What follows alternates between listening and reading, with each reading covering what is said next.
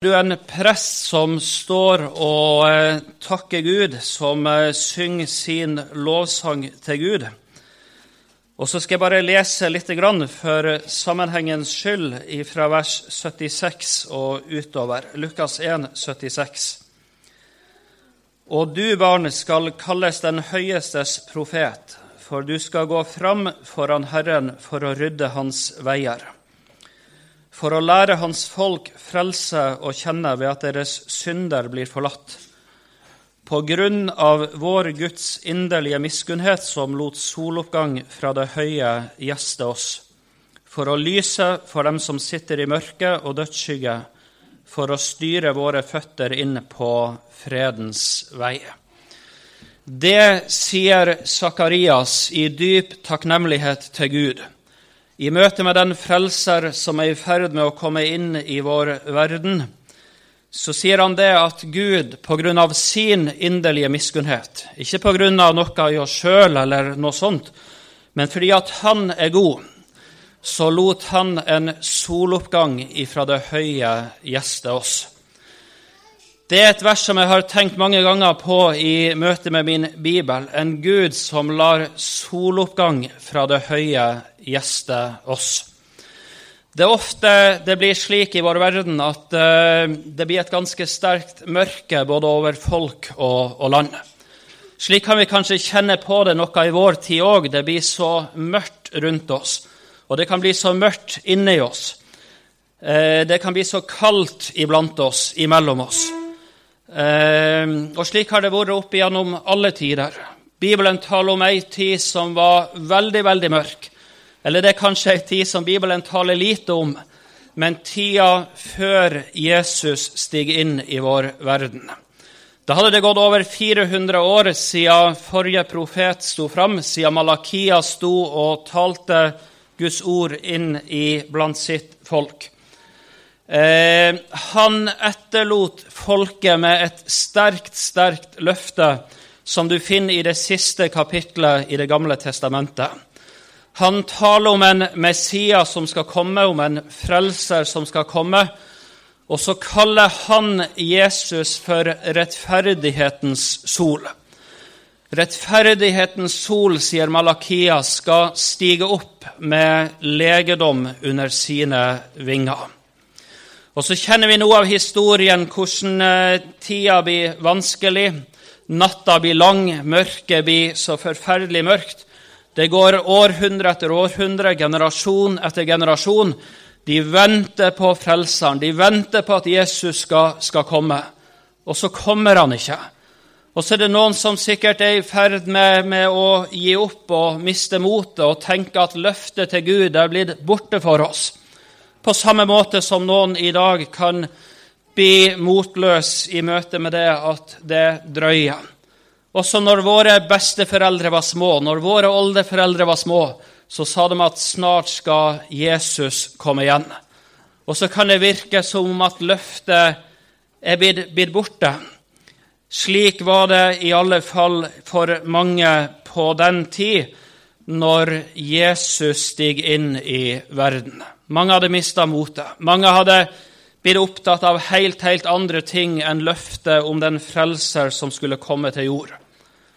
Og så er det en prest som står der i uh, Lukas kapittel 1, og så skjønner han det at nå er Jesus på vei. Nå er Frelseren på vei. Nå er sola på vei inn i vår verden. Denne sol som Malakias hadde sagt skulle stige opp med legedom under sine vinger. Og så står han og priser Gud og takker Gud og så bruker han altså dette uttrykket 'en Gud som lot soloppgang fra det høye gjeste oss'. En soloppgang fra det høye, står det. Du har sikkert sett mange flere soloppganger enn jeg har gjort i denne verden. Jeg liker å sove på, på morgenen. Men noe av det flotteste vi finner i vår verden, det er når sola stiger opp når sola viser seg og stiger høyere og høyere på vår himmel. Eh, den som bryter igjennom kanskje etter ei lang natt og ei mørk natt, i hvert fall er det sånn her nord på vinterstid, Når sola bryter gjennom, da må mørket vike. Alle soloppganger du har sett i denne verden, det har vært en soloppgang fra det lave mot det høye.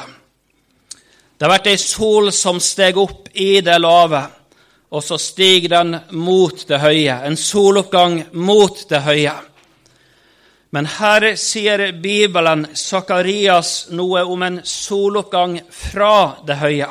Ikke mot det høye, men fra det høye, sier Bibelen. Og det er det det bibelske vitnesbyrd lærer oss, det, at det var en som steg ned for å tenne håp og lys i vår verden. Når Gud skulle løfte opp noe som kunne varme våre kalde, likegyldige hjerter, når Gud skulle løfte opp noe som våre trøtte øyne kunne få finne hvile i, så var det ingenting her i denne vår verden som han kunne bruke. Det var ingenting som han kunne ta tak i her nede og så løfte opp liksom en soloppgang mot det høye, altså fra det lave og mot det høye. Men i stedet så møter du en Gud som gir slipp på det aller, aller største han har. En som sender sin egen sønn ned ifra det høye, ifra det høye og imot det lave. En Gud som er så høyt, troner så høyt, som bøyer seg så dypt ned i møte med oss falne mennesker. Og så lar han en soloppgang ifra det høye gjeste oss. Rettferdighetens sol, sa, sa Malakias, som skulle stige opp med legedom under sine vinger.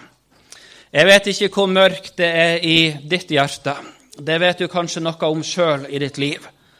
Men det vet jeg at der hvor den sol får bryte gjennom, og strålene ifra hans sol, altså strålene ifra Jesus Kristus, ord ifra hans munn, der de får finne vei inn i ditt og mitt liv, der blir det også lys, eh, uansett hvor mørkt det ellers måtte, måtte være. Og så bærer han med seg legedom under sine vinger. Han bærer med seg legedom under sine vinger. I møte med alle sår, i møte med all nød, i møte med all synd som har ødelagt og ruinert så masse i våre liv, så ligger løftet om ei sol som skulle stige opp, og så skulle den bære med seg legedom under sine vinger. Jesus han satt og gråt når han så folkets nød. Han satt utenfor Jerusalem og gråt i møte med folket. Der var det fest, der var det glede, der var det, der var det, var det høytid. Allikevel så er det en som sitter og ser bak alt det ytre, bak den fineste fasade. Og så gråter han. Og så bruker han akkurat dette uttrykket 'Hvor ofte vil ikke jeg samle dere?' som ei hønemor samler kyllingene under sine vinger. Det er legedom under hans vinger. Og så kaller han oss sammen og imot seg for å kunne brede sine vida vinger over den enkelte av oss. For å bære forlatelse for alle våre synder inn i våre liv for å lyse for dem som sitter i mørke og dødsskygge, og for å styre våre føtter inn på fredens vei.